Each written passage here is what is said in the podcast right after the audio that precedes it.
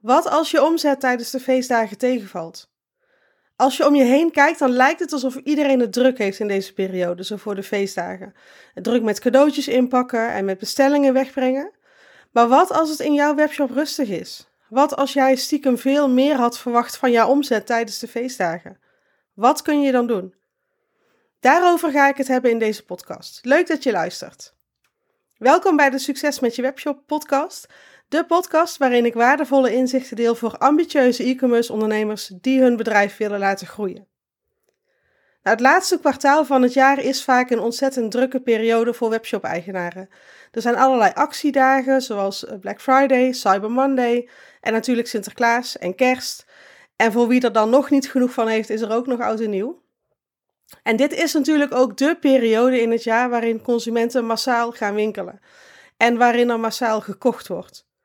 Dus niet gek dat een groot deel van de webwinkels in dit laatste kwartaal gewoon een groot deel van de jaaromzet binnenhaalt. Afhankelijk van uh, in welke branche je zit uiteraard, want niet elke webshop uh, profiteert van deze periode of kan hiervan profiteren. Maar ja, wat als je toch wel uh, hoge verwachtingen had van dit kwartaal en dat nu je omzet toch wat tegenvalt? Als je je voorbereid hebt op een grote stroom klanten, maar dat die de weg naar jouw webshop toch niet lijken te vinden. En als je volop cadeaupapier en, en goodies en actieproducten hebt ingekocht, maar dat die nu nog onaangeroerd in de kast staan. Hè? En als je steeds weer korting geeft, maar dat klanten hier nauwelijks warm van worden, dat er weinig reactie uitkomt. Dus eigenlijk als je gewoon veel meer had verwacht van de laatste maanden van dit jaar, hoe ga je daarmee om? En hoe kun je dit omdraaien?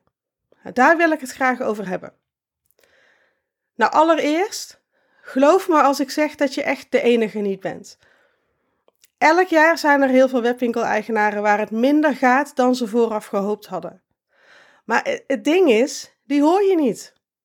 Je hoort alleen de webwinkeliers die het mega druk hebben en die trots zijn op hun behaalde doelen. Die laten dat zien en die zijn daar natuurlijk super enthousiast over. Maar de ondernemers waar het tegenvalt, die spreken zich vaak niet uit. Hè? Bang voor uh, oordelen, uh, medelijden of misschien ook uit schaamte, ik weet het niet.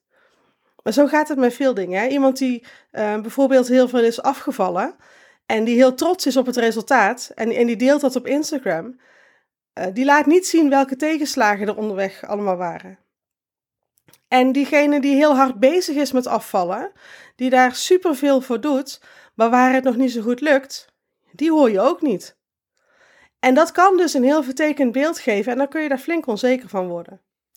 Dus mocht jij balen van je omzet dit kwartaal, geloof me, je bent niet alleen. Maar dat gezegd hebbende, we willen dit natuurlijk wel gaan omdraaien.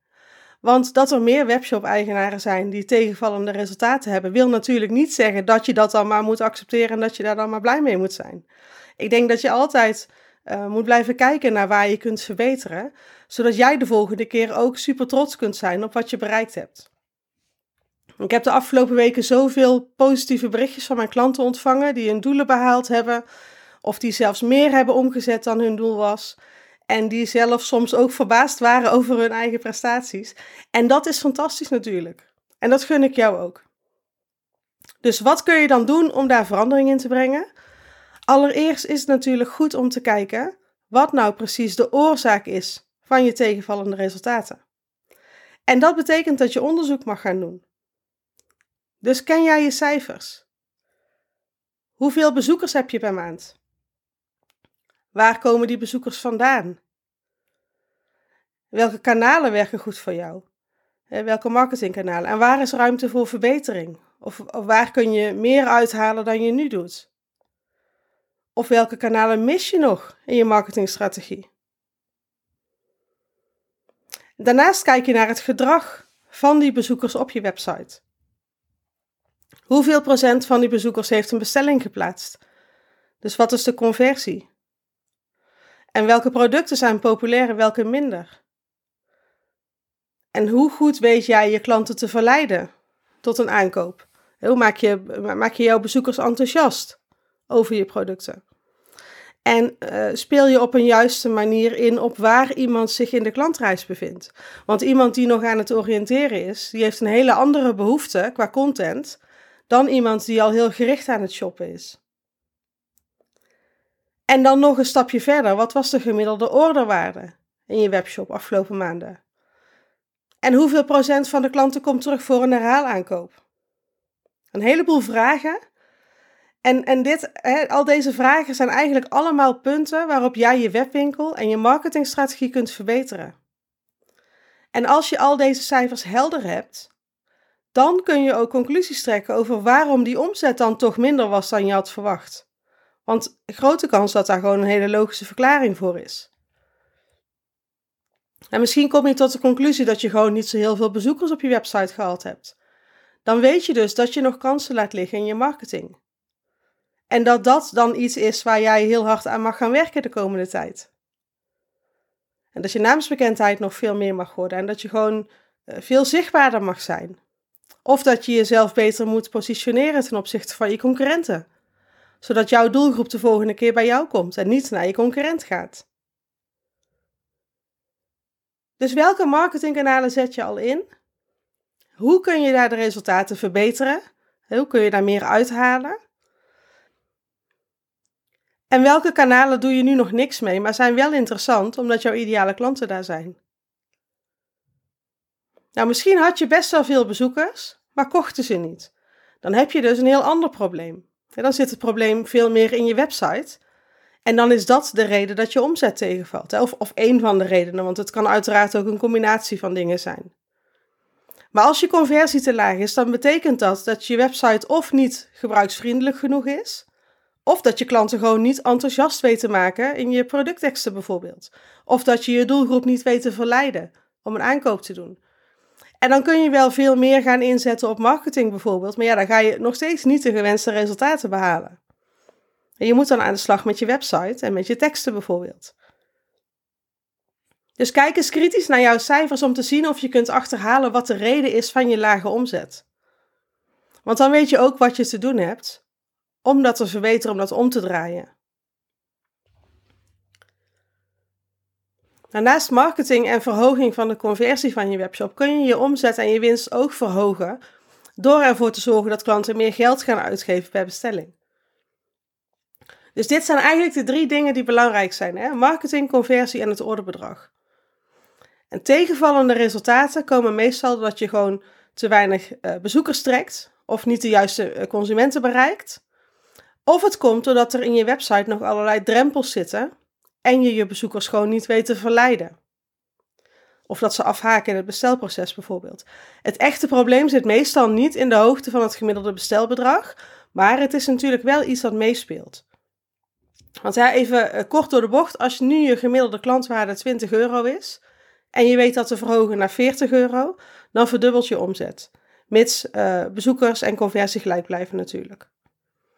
Dus bij tegenvallende resultaten kun je ook altijd kijken naar hoe kan ik nou zorgen dat klanten meer geld gaan uitgeven per bestelling. Dit bedrag is vaak vrij makkelijk te verhogen. Met uh, kassakoopjes bijvoorbeeld, of door slimme bundels te maken en aanvullende producten aan te bieden. En ook door te zorgen voor meer herhaalaankopen. Als het bij je producten past. Hè.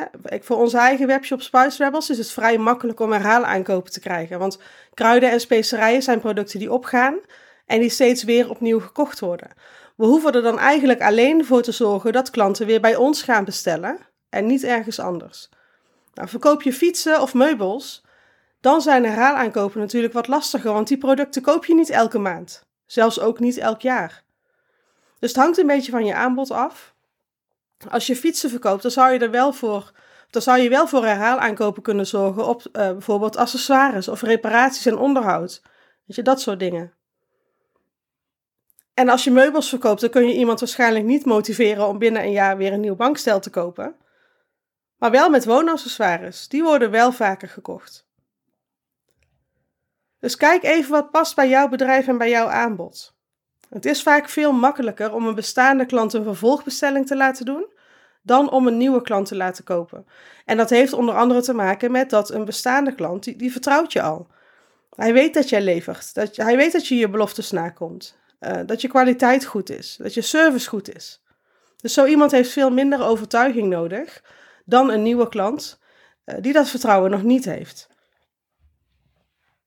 Dus iets om over na te denken. Wat doe jij nu om herhaalaankopen te krijgen? En waar laat je nog kansen liggen op dit vlak? Wat zou je nog meer kunnen doen om klanten terug te halen naar je webshop? En als je structureel je omzet wil verhogen, dan zal je ergens actie moeten ondernemen. Want als nu de resultaten tegenvallen en je blijft op deze manier doorgaan, ja, dan gaat het volgend jaar niet anders zijn natuurlijk.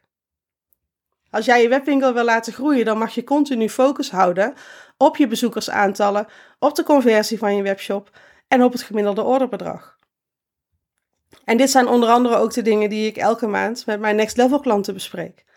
Dit zijn de klanten die in mijn jaarprogramma zitten en die ik één op één begeleid bij het opschalen van hun bedrijf. En elke maand kijken we naar die cijfers. We houden de groei in de gaten en dan kunnen we ook bepalen waar we moeten bijsturen. En we bepalen dan weer een doel voor de maand erop. En ik probeer hen ook steeds een beetje meer uh, uit te dagen. Om steeds de grenzen een beetje te verleggen. Zo had een van mijn klanten als omzetdoel voor november 20.000 euro. Dus ik zei, ja, wat zeg je ervan als we daar 30.000 van maken? Dus toch flink wat hoger wel. Wat kan je dan nu extra doen om die omzet nog wat te laten stijgen? Om niet 20, maar 30k omzet te maken? Nou, daar hebben we een plan voor gemaakt en uiteindelijk heeft hij niet de 30.000 behaald, maar wel 25.000.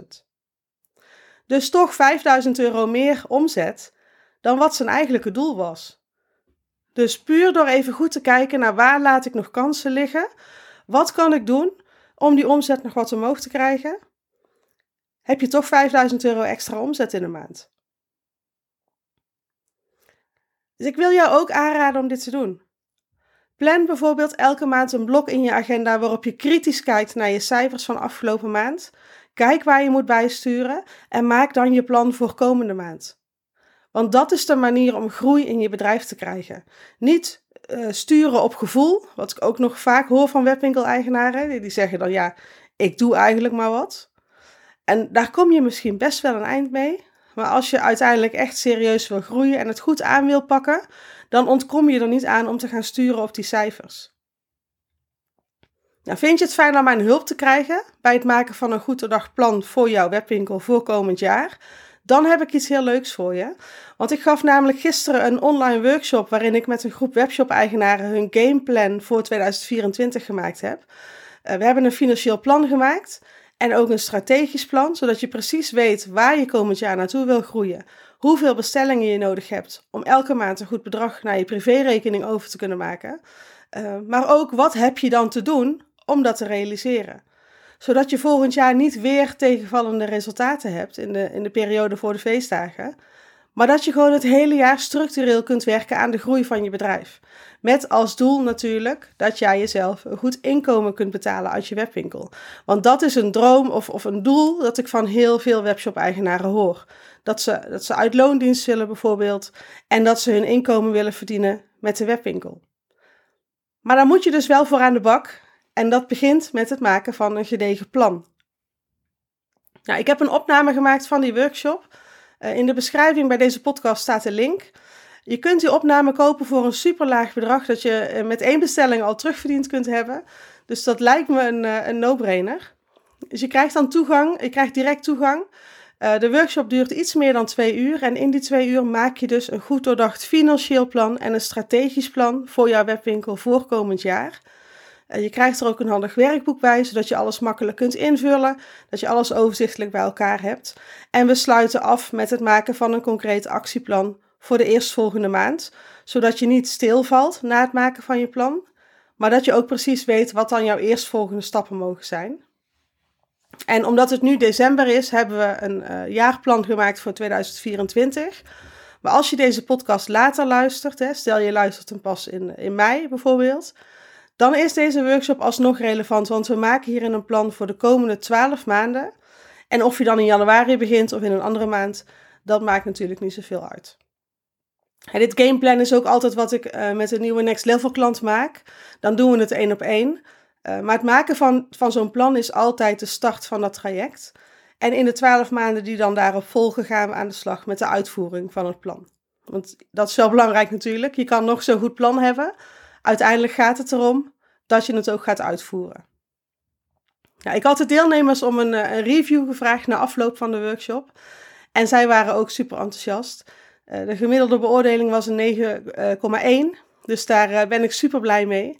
Eén iemand gaf aan dat ze regelmatig vastloopt en dat ze opziet tegen alles wat ze moet doen om haar webshop te laten groeien. Maar dat ze door die workshop haar cijfers weer helder heeft en dat ze nu weet waar haar prioriteiten liggen. Ehm, en iemand anders gaf aan dat ze met haar neus op de feiten werd gedrukt. Uh, want haar webshop bleek toch echt wel minder goed te presteren dan ze eigenlijk dacht. En uh, dat het nu ook voor haar duidelijk is geworden wat ze te doen heeft om volgend jaar meer inkomen uit te halen. Dus is dat ook jouw doel? Wil jij geen tegenvallende resultaten meer, maar een goed inkomen uit je webwinkel? Dan ga met die workshop aan de slag. Super leuk dat je luisterde naar een aflevering van de Succes met je webshop podcast.